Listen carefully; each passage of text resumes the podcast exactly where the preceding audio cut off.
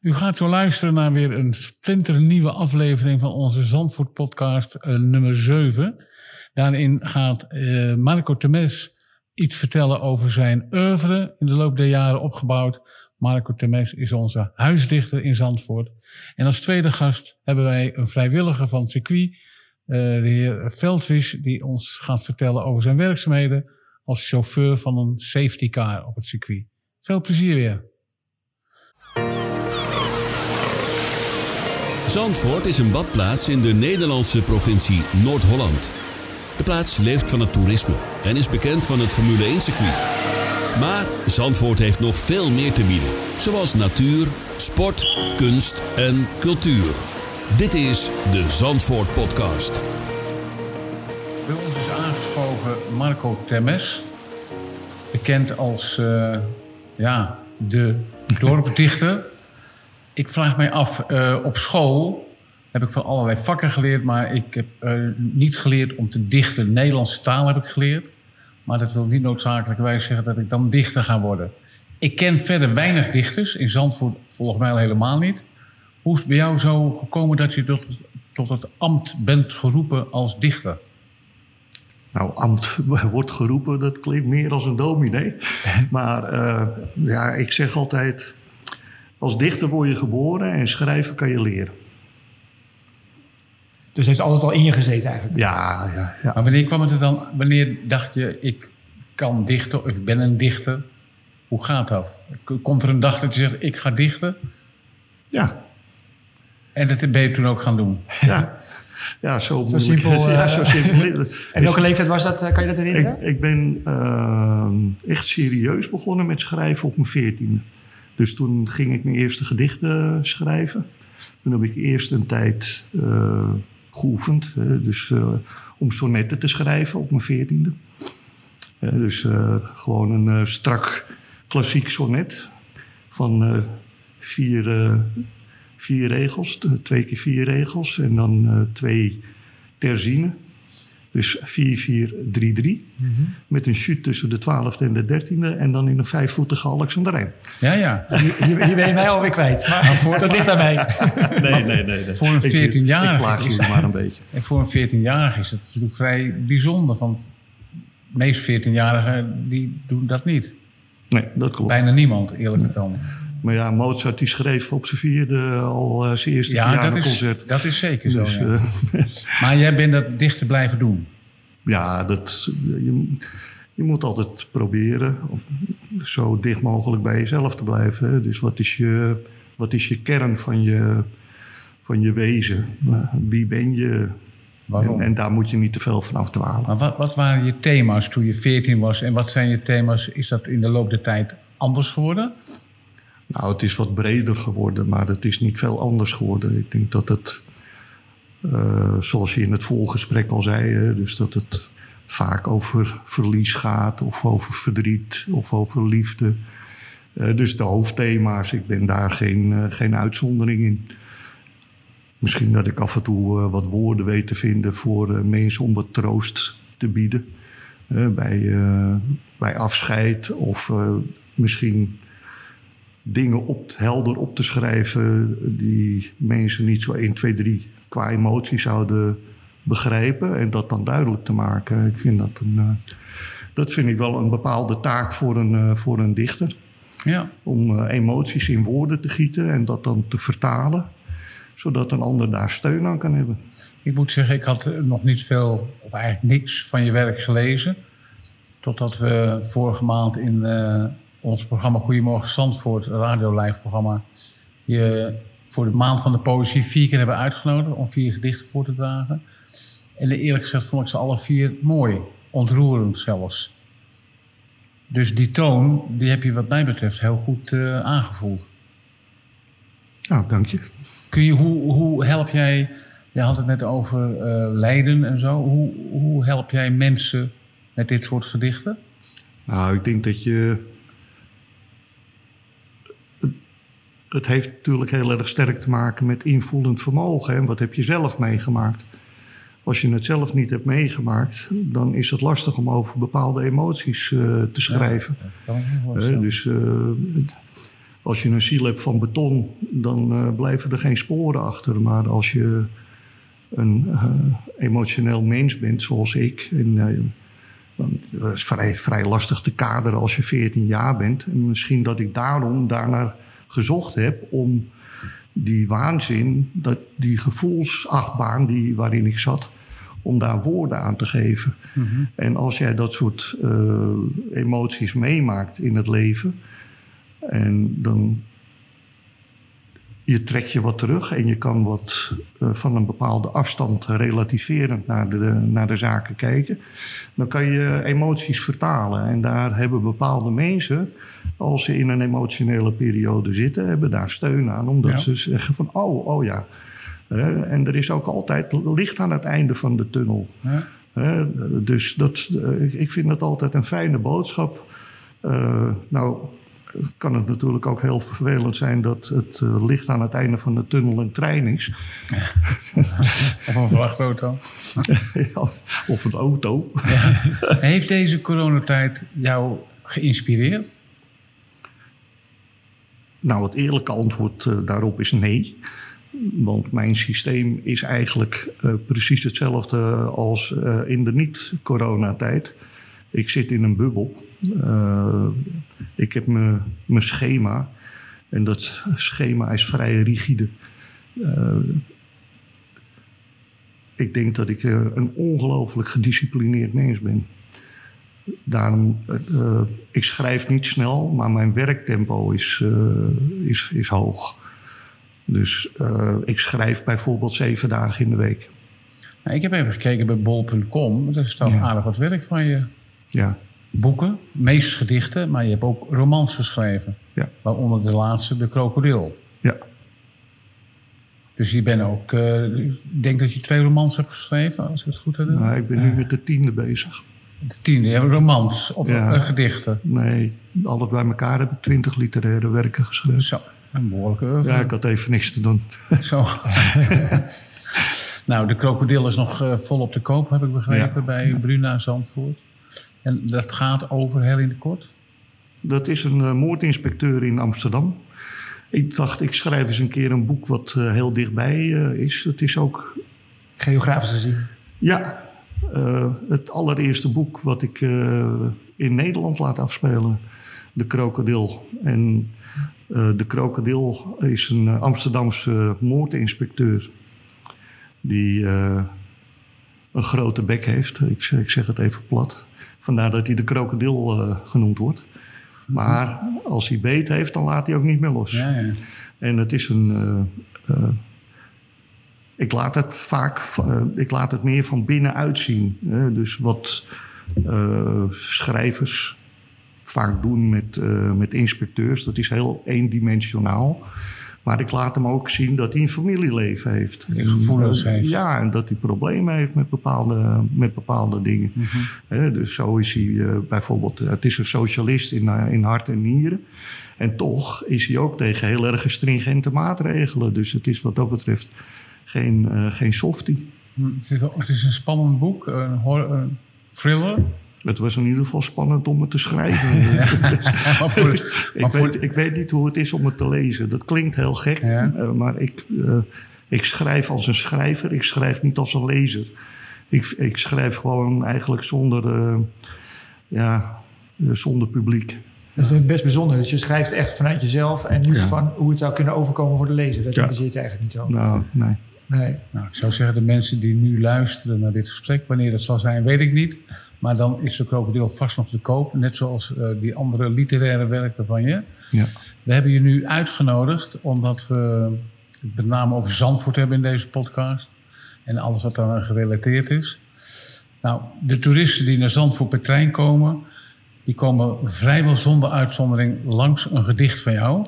Ja. En eh, we hebben je gevraagd om dat gedicht te benoemen en voor te dragen. Nou, dit eh, gedicht staat op eh, eh, een trap. Dat is een vrij beroemde trap in Zandvoort. Dat heeft de naam de Kippentrap.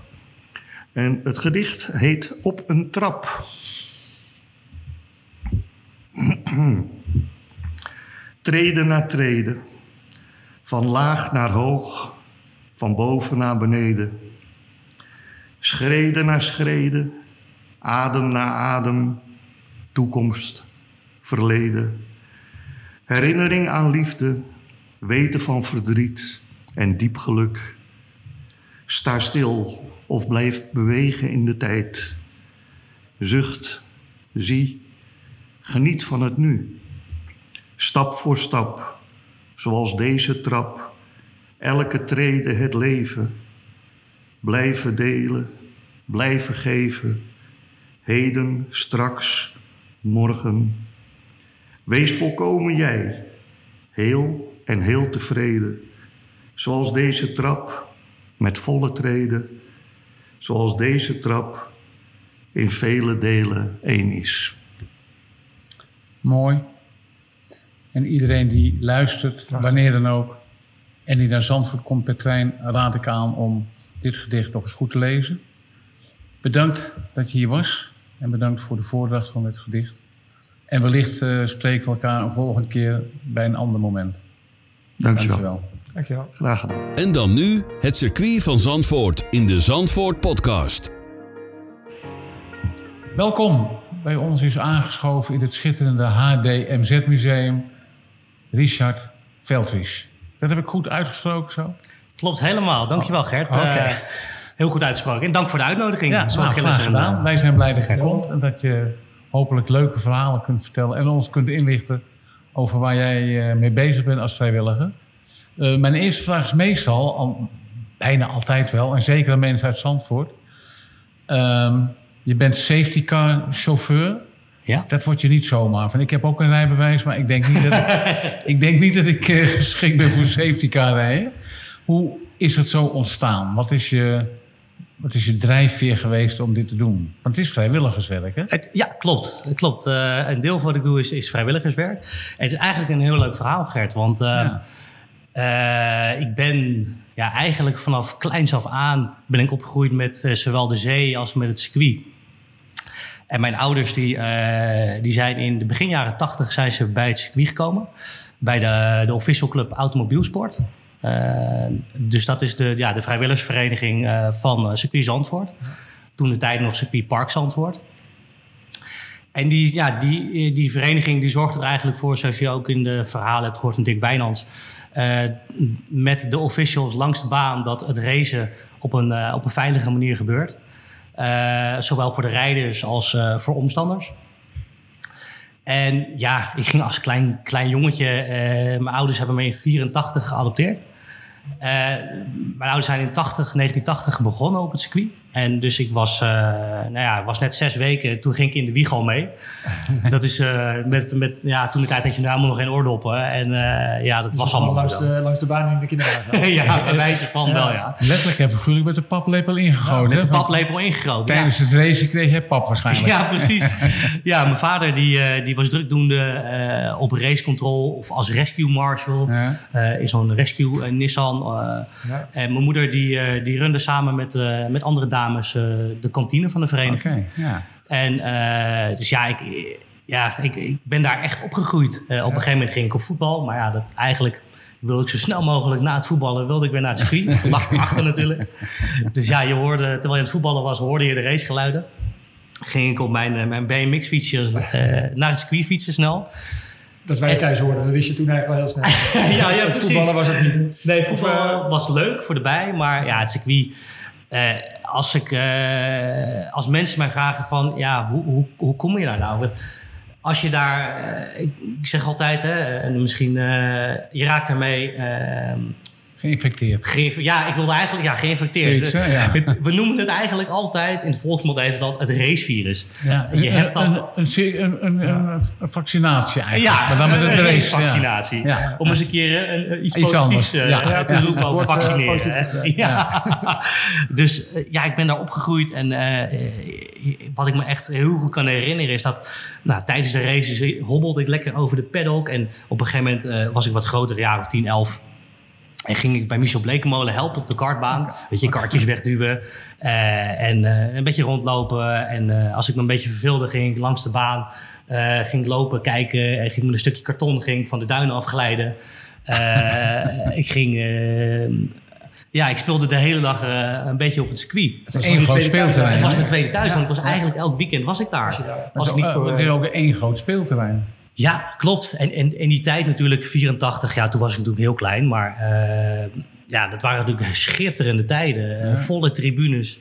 En Dus je hebt nog de, de laatste Formule 1 meegemaakt. Heb ik- heb ik meegemaakt. Heb je daar niet heel veel herinneringen aan? Maar ik zat daar vanochtend aan te denken. Want ik heb hem eigenlijk in 85 gewoon meegemaakt. Ja.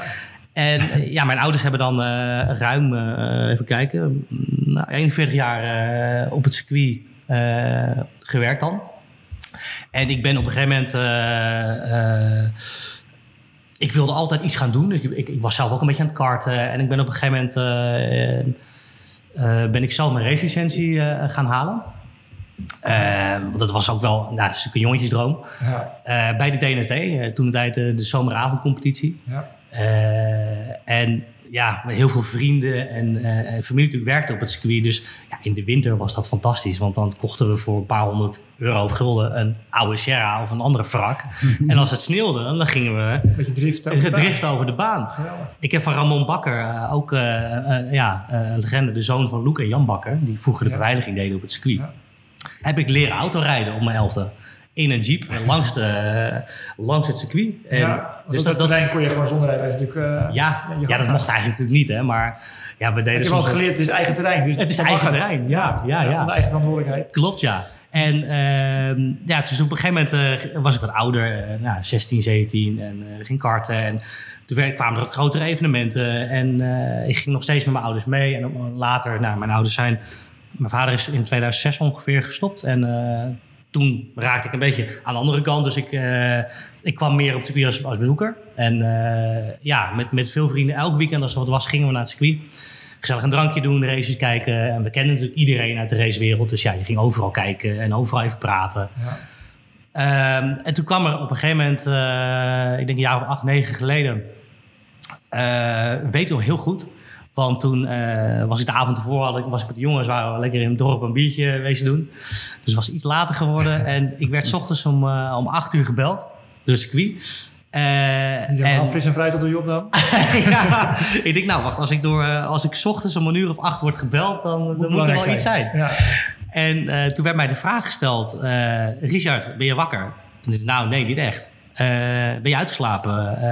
Ben je gisteren in de kroeg geweest? Ja. Oké, nou, ehm, kun jij over een uur op het circuit zijn met eh, je race overal, je helm, eh, neem je licentie mee, je racelicentie, eh, al je spullen, want eh, we hebben een tekort op de safety car. Wie belde jou eigenlijk? Was het Erik? Dat was Menno. Menno Eda, de sportingmanager van, uh, van Circuit Zandvoort. En uh, dus die, uh, die gaf aan, ja, je moet eigenlijk gewoon binnen een uur er zijn. Ja. En, uh, Totaal onvoorbereid kwam je daar uh, aan gereden. ja, ja. Nog, en, uh, dus ik kwam nog daar. licht beneveld waarschijnlijk, of niet? Ja. Sorry? Nog licht beneveld? Nou, nee, dat ging nog wel. Dat hoor, ging nog maar wel, gelukkig maar. Ik was, uh, ik was in één keer ook meteen wakker. En Ja, ik was, dit was natuurlijk zo, oh, wacht even. Oké, okay, nou, dit is wel heel erg gaaf. Ja. Ja. Dus ja, ik ging vol goede moed ging ik daarheen natuurlijk. En uh, nou, toen kreeg je de briefing. Het was een, uh, een, uh, een groot weekend. een aardig Masters. Een, een, weekend waarbij live tv is. En dat was eigenlijk mijn debuut in, die, in, de, in de safety car. Uh, en, je werd gelijk al het stuur gezet toen? Nee, nee. Ik ben, we hadden toen meerdere safety cars. En ja. toen was ik ja, co-driver. En uh, misschien is het leuk om, om, kort even te vertellen. Nou, wat doe je dan hè? Als, ja, als safety car rijden of als crew? Wat doe je dan?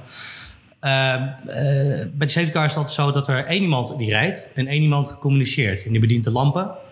En op Zandvoort hebben we zeven mannen in ons, in ons team, in het safety car team. Dus we wisselen dat een beetje omrijden en communiceren. Ja. Oh, zijn het allemaal mannen? Het zijn allemaal mannen. In het verleden is er ook, uh, ook wel een dame geweest. Uh, en die deed het heel erg goed. En alleen ja, op een gegeven moment uh, kon ze de balans privé, werk en het circuit niet goed combineren. Mm. En toen zei ze, ja, nu is het mooi geweest. Kijk, ja. voor ons is het allemaal makkelijk, want ik, woon, ik had op de fiets kan naar het circuit. Ja. Dus als er iets is, dan ben ik, als ze me nu bellen, ben ik er een half uur. Ja. Of over tien minuten, een kwartier. Um, eh, dus ja, voor we mij. zijn met z'n zeven even terug naar je gesprek. Ja, we waren met z'n zeven. Met z'n zeven. In een poeltje. Ja. ja. Uh, dan doen jullie al. Wat één man achter het stuur zitten, begrijp ik. En ja, één, één, één iemand die rijdt en één iemand die, uh, die communiceert. En je, je wordt altijd aangestuurd door, door de wedstrijdleiding. Eh, dus de safety car die, ja, die onderneemt eigenlijk zelf geen actie uit eigen initiatief. Ehm, maar op het moment dat er een auto eh, in de vangrail raakt eh, en die komt niet meer weg, of die staat op een gevaarlijk punt. Nou, we kennen het allemaal wel hè, van op tv. Zeker. Dan wordt Bernd Mijnlander van de Formule 1 wordt ingezet. Nou, wij zijn eigenlijk de, de Bernd Mijnlanders Ja, ja, van, op amateurniveau. Ja. Ehm, en wij zorgen er eigenlijk voor dat de wedstrijdleiding geeft aan, nou, de leider in de wedstrijd rijdt daar en daar op het circuit. Eh, dan kunnen wij ons voorbereiden. Eh, de lampen worden ontstoken en we rijden eh, op naar de plek waar we het veld op kunnen vangen. Want de bedoeling van de safety car is dat wij de snelheid, de race snelheid uit de wedstrijd halen. Tempo, ja. We vangen het veld op en we rijden met een, ja, op een lagere snelheid dan race snelheid. Nog steeds op een goed tempo. Rijden we door, want ja, de raceauto's die moeten natuurlijk warm blijven. De banden moeten warm blijven. Hoe hard rij je dan toch nog? Ja, dat verschilt echt per raceklasse. Eh, de, kleine amateurklasses, eh dan rijden we 80. Dat is eigenlijk de standaard. Eh, maar als we echt eh VIA-klasses hebben, dus echt eh, de oude Formule 1-auto's bijvoorbeeld, ja, dan kan het zomaar zo wel eens zijn dat je, dat je harder rijdt. Eh, eh, 140, 160, Oh, dat is eh, wel een 180. stuk harder. Ja, eh 200, ja, dat, dat kan. Ja. Dat, dat, dat is een beetje, eh, ja, wat voor soort auto's zijn het? Je ziet, eh, een heel klein tussenstapje, hè. je ziet bij de Formule 1 altijd, hoor je iedereen altijd eh, klagen over de safety car. Ja, waarom rijdt hij nou niet door? Ja, Maar die rijdt pittig door volgens mij. De beste man Ja. rijdt Ja. gewoon topsnelheid. Die rijdt op de rechte stukken 280. Oh, echt? 300, ja. Alleen, in verhouding is dat dan... In verhouding is dat natuurlijk... Eh, ja, dus dat is een hele goede vraag. Dus het varieert wel, maar ehm, het is natuurlijk wel het belangrijkste eh, om, om eh, de veiligheid staat voorop. Dus de snelheid uit de wedstrijd te halen, zodat officials eh, de wagen eh, veilig kunnen stellen. Eventueel eh er hulp verleend kan worden, eh, mocht dat nodig zijn, door eh, de medical car eh, of de medische dienst. Eh, en zodra eh, de baan of het baanvak, eh, het deel waar het eh, ongeval is gebeurd, weer veilig is, dan geeft de wedstrijdleiding aan: Nou, jongens, we kunnen weer voor gaan bereiden om te gaan racen. Nou, dat wordt alle- allemaal gedaan met, eh, met vlagsignalen en met, eh, met borden langs de baan. De wedstrijdleiding communiceert naar eh, de bijrijder van de safety car. Nou, eh, we gaan, eh, we gaan de, de neutralisatie weer opheffen of we gaan nog een ronde doorrijden. Ze geven ook altijd aan, de wedstrijdleiding, waar bevindt het incident zich. Het circuit Zandvoort is ingedeeld in, in, ja, in Segmenten. in segmenten. De eerste bocht heet bij ons turn 1, de Tarzanbocht. En de, nieuwe kombocht van, van de Gerlof en Hugenholz is turn 3. Dus mocht er een incident zijn, dan geeft de wedstrijdleiding aan. eh, ja, er is een incident Incident turn 3. in turn 3, rechterzijde. Dan weten wij, hey, Ah, ja. het incident bevindt zich aan de rechterzijde. Dus we moeten het veld passeren aan de linkerzijde, Ja. eh, het ongeval. Eh, dus ja, en dan daar- weten de coureurs ook dat ze achter jullie moeten blijven op dat moment. Ja. Dat zal allemaal protocol zijn. Ja, dat is een protocol wat ze ook in de, in de cursus eh, krijgen.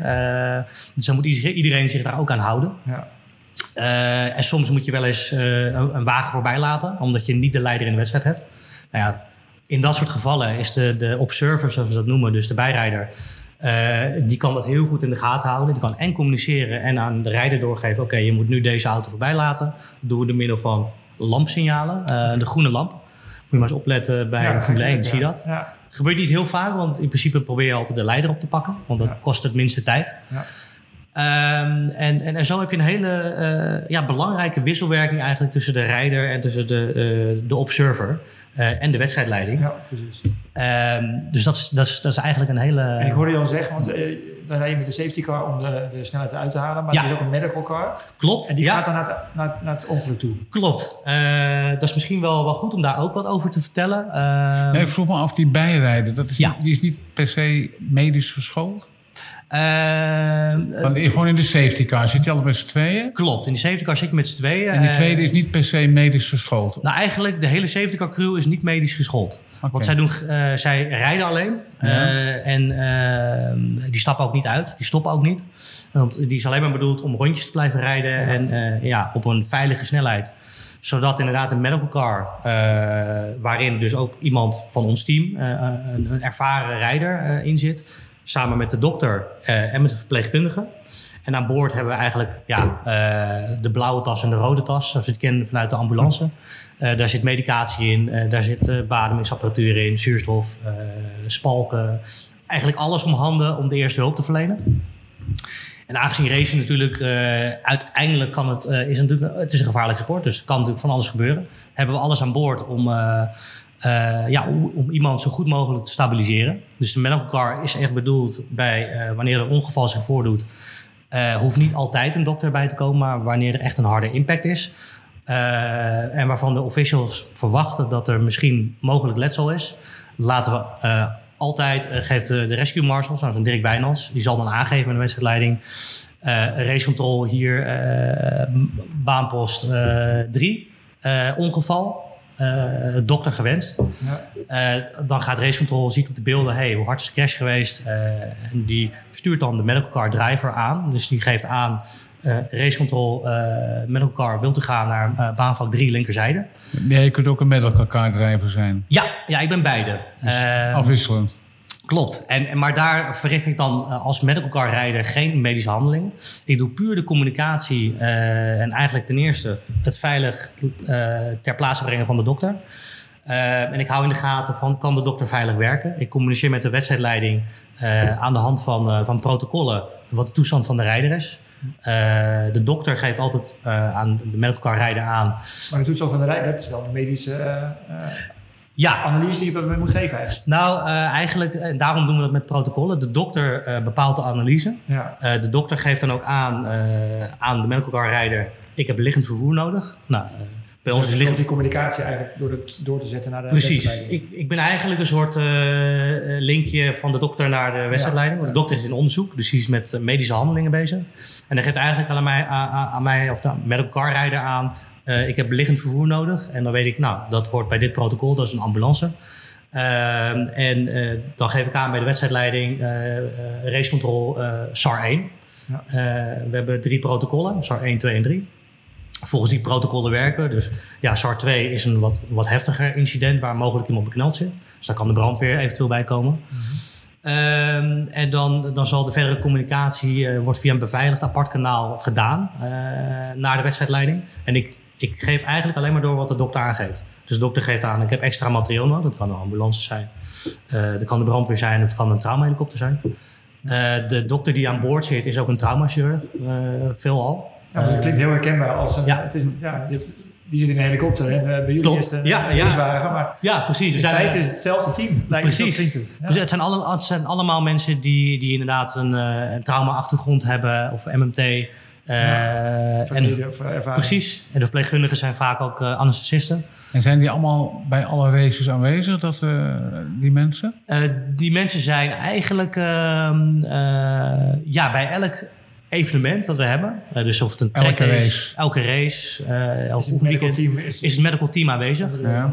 Ja, de medical car is niet altijd aanwezig. Want eh, zoals jullie misschien in de media gezien hebben, we hebben een prachtig mooi medical center eh, nieuw gebouwd in samenwerking met, met Witte Kruis en QRS. Ehm, en ja, dat moet je eigenlijk zien als een mini ziekenhuis. zou het zeggen. Ja, Ja, daar hebben we van alles voorzien. van alles voorzien. Dat Ja. zijn eh, twee, eh, ja, zoals we dat noemen, shockrooms. Die zijn voorzien van bedden, eh, hartmonitoren en eh, allerlei medicatie. Eh, daar zitten dan ook eh, verpleegkundigen en een arts. Eh, en het team wat dan ter plaatse gaat, die communiceert dan ook met elkaar. Dus mocht het zo zijn dat een eh, gelukkig eh, komt het vaak voor dat eh, als de medical car ter plaatse komt, dat, eh, we kunnen, dat, dat ik kan aangeven als medical car rijder, eh, de rijder lijkt ongedeerd en eh, hij gaat ter controle mee naar de shockroom. Doen we altijd eigenlijk. Wordt je allemaal nagekeken? ja, wordt jij even nagekeken. En eh, nou, als alles dan, als de dokter hem dan officieel ongedeerd verklaart, dan, dan kan de rijder weer gaan. Ehm, en in het geval dat we inderdaad een ambulance nodig hebben, dan wordt de patiënt gestabiliseerd. De rijder gaat naar het medical center. Daar wordt nog de eventuele hulp verleend wat nodig is. En eh, dan zal ja, de rijder naar, op transport gaan. Ik neem aan dat, dat door de Formule 1, de komst van de Formule 1, de eisen ten aanzien van de healthcare eh, zijn eh, aangepast. Ja, ehm, de, het, het medical center is, eh, en zoals het circuit eh, de licentie die we hebben, de Grade One, eh, is op de FIA-normen eigenlijk sta- gestandardiseerd. Eh, en ja, iedereen wordt eigenlijk ook zodanig getraind. Ehm, Dat je gewoon, het is een gevaarlijke sport, maar eh, als je Ja. dit allemaal zo hoort, dan is er zoveel aan veiligheid eh, ja, kijk, ik, ik, ik gaf inderdaad net aan, nou, mijn ouders zijn begonnen in 1980. eh, nou, in de jaren Dat was een 80 andere eh, tijd. Dat was een hele andere tijd. Was dat anders, ja. Ja, en, en in, die, in die tijd, ja, tot en met de dag van vandaag eigenlijk, is, is de, eh, de autosport eh, alleen maar veiliger geworden. ja. Met, met veiligheidssystemen, eh, een NEC-systeem, eh, de Halo's zoals we die kennen. eh, de Rocco in de auto's, die zijn, eh, die zijn fantastisch. En hoe is De die auto's, de auto's zijn ook veel beter geworden. En ik heb ook begrepen dat de eh, Mercedes is de hofleverancier van safety car auto's. Klopt. Klopt. Maar ook, al- ik heb ook gezien dat de Opel Vectra's dat deden. Waar rijden jullie in op het circuit? Op dit moment rijden we als safety car rijden we in een eh, Mercedes AMG GT. Ja, ja. Eh, dus dit is eigenlijk, die ken je zoals eh, die van de Formule 1, maar dan is Ja. die één tikje langzamer. dus ja, dat, dat Minder is snel. Minder snel. Ja. Maar dat is verplicht ook dat die auto wordt ingezet bij Formule 1 races? Eh, bedoel je En die wanneer? de- specifieke Mercedes, is dat, reist die mee met het circus bijvoorbeeld? Of, Eh, staat op elk ja, circuit een van- eigen tenminste van de? Formule 1 rijdt, die hebben Ja. zijn eigen, safety car? hun eigen safety cars. Cool. Ja. Ja. Ja, ja, dat zijn er een stuk of drie. Ja. Eh, en wij hebben op Zandvoort hebben we eh samenwerking met Mercedes en met, eh met de rechtsplant. Oké. En die verzorgt dan de Mercedes AMG GT als safety car. En we hebben als medical car hebben we een Mercedes eh, eh, Ja. C100, eh, 180. En ik zag op dat filmpje vanochtend, wat ik net vertelde ook... de safety car moet op enig moment de meute in bedwang houden. Ja, klopt. En eh, ik, ik heb een stukje gezien van de chauffeur, dus van jou zeg maar. Ja, En dan zie je je achteruitkijkspiegel, spiegel, zie je die enorme meute. Ja. En die wil maar één ding. En ze mogen één ding niet, dat is jou passeren, maar dat willen ze wel. dus dan zou ik me heel erg ongemakkelijk voelen als chauffeur. Hoe, ga je, hoe verwerk je dat? Hoe ga je daarmee om? Ja, nou eigenlijk eh, heel mooi gezegd, want dat, dat is in feite wel wat ze, wat ze doen. Want ja, laten we eerlijk zijn, als, een, eh, als je aan het racen bent en je bent rijden, mogelijk. Ben je Wil je- je inhalen. ja, dat vinden ze maar eigenlijk helemaal niet leuk. Nee. Eh, Gas moet erop. Ja, het gas moet erop, inderdaad. En gelukkig eh, eh, heeft elke rijder natuurlijk eh, een knaf gelicenseerde cursus gedaan. Dus die weten alle regels. Eh, en natuurlijk proberen ze je echt wel een beetje soms op te drukken. Ja. En, en dat, is, eh, dat hoort ook een beetje bij... ehm, als safety car rijder is het heel belangrijk dat je... Ja, eh, geconcentreerd bent, dat je de rust bewaart, dat je je inderdaad niet laat opjagen. Nee. Want uiteindelijk zijn we er allemaal langs de baan. En eh, iedereen die iets doet op het circuit langs de baan, we zijn er voor de veiligheid. Ook Ja. voor de veiligheid van de rijders. Maar het lijkt me zo moeilijk als je normaal gesproken je privéleven op eh, de snelweg rijdt en je hebt een bepaalde snelheid. Dan wil je maar één ding, denk ik. Maar je wil in ieder geval niet dat mensen achter je met 180 je voorbij scheuren. En dan- Nee. Tenminste, dat zou ik me zo kunnen voorstellen. Dat klopt. Dus je moet wel een bepaalde agressie inhouden. Ja, Dat leer je misschien ook wel in de loop der tijd. Wordt Ja. daar ook op getraind? Want dat lijkt me nog wel het moeilijkste van je vak. Om, Ja, om, om, je- precies. Dat is, eh, het is een hele mooie balans eigenlijk. En vaak zie je dat eigenlijk eh, de safety car rijders, wat ik net vertelde, in ons team. eh, ik, stuur, ik ben ook teamleider van ons safety car en medical car team. En dat zijn eigenlijk ook allemaal mensen die een raceverleden hebben. Dus Ja. die zitten zelf ook vaak nog achter het stuur. Ik zelf race gelukkig ook nog bij tijd en wijlen als het kan, Ja. hè, met budget. Dus ja, je leert daar wel mee omgaan. Maar het is wel belangrijk dat je, ja, dat je daar eh, adequaat mee omgaat Ja. en ook anticipeert. ja, lijkt me wel- wat doe je in de dagelijkse praktijk als je niet vrijwillig werk doet? Eh, Ik- dat- ik- ik, werk ook nog. ik werk ook nog. Heb je ook nog tijd voor? Daar heb ik ook nog tijd voor. Ik ben eh, appli- application engineer bij een softwarebedrijf, bij een Ah, nee, datacenter. ik, ik ging een beetje de kant op van ambulancechauffeurs. Dat- Nee, heb nee, je nou, die eigenschap ook nodig, toch? Klopt, absoluut. Ja, ja dat, dat heeft heel veel eh overlapping inderdaad. Ja. En, eh, Heb jij je ooit wel eens onveilig gevoeld in een, in een safety car? nee. Nee, nog nooit. Oké. Nog nooit. Nee. je Dus je hebt het wel- altijd onder controle. Ja, Voor je, ja. En dat komt ook omdat je eigenlijk, je bent met z'n eh, met z'n tweeën in de auto. eh, ja, je, je kent elkaar goed, je leert elkaar goed kennen. Maar je moet ook 100% blindelings op elkaar kunnen vertrouwen. vertrouwen, ja. En op de wedstrijdleiding. Ja, Want eigenlijk, wij zien vrij weinig langs de baan wat er op de baan gebeurt. Want wij krijgen onze informatie van de snel. wedstrijdleiding. Oké. Het gaat te snel om dingen op te... Maar zijn er nou nog erge dingen gebeurd in jouw loopbaan? Hoe lang doe je dit nu? Eh, ik doe dit nu eh, een jaar of acht, denk ik. Zo, man. zijn er verschrikkelijke ongelukken gebeurd? Ik dacht het niet in die tijd. Of grappige voorvallen? Op de andere kant even. of iets verschrikkelijks of iets heel grappigs. Mag alle twee. Maar wat het, Ja. wat het meest bijgebleven is, zeg maar, uit... eh, God, dat is een goede vraag. Ehm, ik heb gelezen bijvoorbeeld op, eh, op, op Wikipedia... ja, dat zelfs Hamilton een keer eh, de fout in is gegaan... door een rood stoplicht te negeren... en daardoor een behoorlijke schade te veroorzaken. ja. Dat wordt apart vermeld, hè? dat klopt. Ja, daar krijgen ze ook wel wat straf voor, ja. Ja. Maar ehm, ja, kijk, voor, voor ons is eigenlijk... eh, wat zijn mooie momenten? Eigenlijk het moment dat, ja, dat je hoort dat er een incident is... en en je hoort dat ja, de rijder veilig uitstapt... de rijder ongedeerd is... en eh, eh, dat we weer lekker door kunnen gaan met racen. Ehm, en ja... Het is toch van beide wat, hè? Ja. Er gebeurt iets ergs, maar gelukkig valt het mee. Precies, precies. dat dat is- eigenlijk het mooiste. Eh, Daar zit je eigenlijk ook voor, om het boel veilig te houden. ja, dat klopt. Ik stelde in het voorgesprek een, eh, de vraag... en die was grappig bedoeld, maar... ja. Welke muziek draai je nu terwijl je met 230 op de circuit eh, die meute achter je in toon probeert te houden? Ja, Toen zei jij, ik draai geen muziek. Dat leek me ook wel vrij logisch, eerlijk gezegd. Maar we stellen wel aan onze gasten de vraag van... Als jij normaal gesproken op, het, eh, op de snelweg rijdt hè, in, in, Ja. in Du- Duitsland... wanneer je keurig de limiet houdt... absoluut. wat voor muziek draai je dan eh, om het gas lekker in te kunnen drukken? Nou, eh, als ik daar rijd, dan vind ik het altijd heerlijk om bijvoorbeeld Eye of the Tiger lekker hard aan te zetten. Heerlijk. En, En ja, ja. dan gaat het gas er ook op? Ja, daar gaat het gas er wel op, ja. ja. Kom je in Duitsland... eh, ik, ik, ik kwam in het verleden ook heel veel in Duitsland. En Ja? ja, ja ook op weg naar de wintersport. Eh, ik ga ook vaak met, met Erik samen op wintersport. Ehm, En ja, dan is het af en toe wel leuk Ja, op de plekken waar het mag en waar het kan, om even toch. Ja. Ja, dat zit gewoon in je. Dat Ja. zit gewoon. eh, ja, dat kan ik me voorstellen. Erik had een heel ander nummer. Trouwens, die was wat eh, moderner, geloof Oh ja? ik, hè, van deze tijd. Jouw nummer is al enigszins oud. Maar goed, maakt niet uit. Ik vind hem fantastisch. en we zetten hem in onze playlist op de website. Je altijd Ja. nakijken. Er komen foto's op en er komt een playlist. En uiteindelijk komt dan een verkiezing van wat het beste racelied is in de auto. We zien niet te plekken hoor. ja, dat is leuk. Dat gaan we nog doen, heb ik je nog niet verteld. Oh, sorry, Buis. heb jij nog iets, eh, wil je nog iets kwijt waarvan je zegt... nou, dat wil ik absoluut melden nog op dit moment?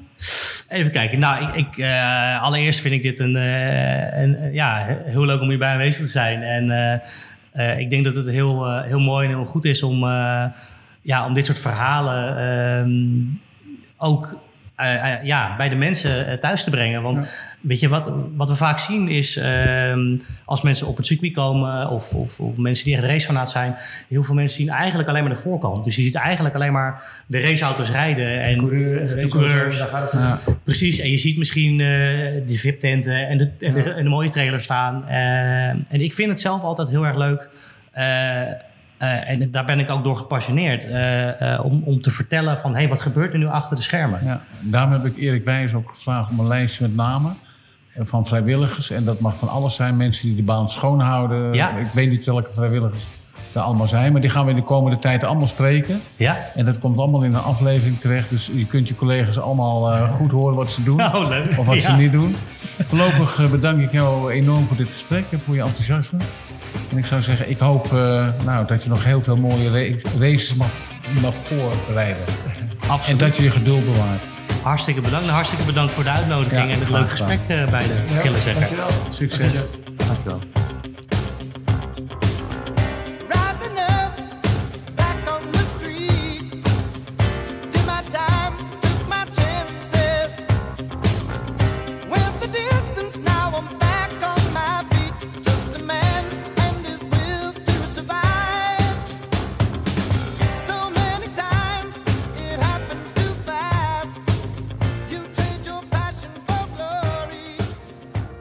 Dit was alweer het einde van de Zandvoort podcast. Bedankt voor het luisteren. Wil je meer te weten komen over Racedorp en Badplaats Zandvoort? Om de week volgt een nieuwe aflevering. Abonneren of terugluisteren kan in je favoriete podcast-app, zoals Spotify, Google Podcasts of Apple iTunes.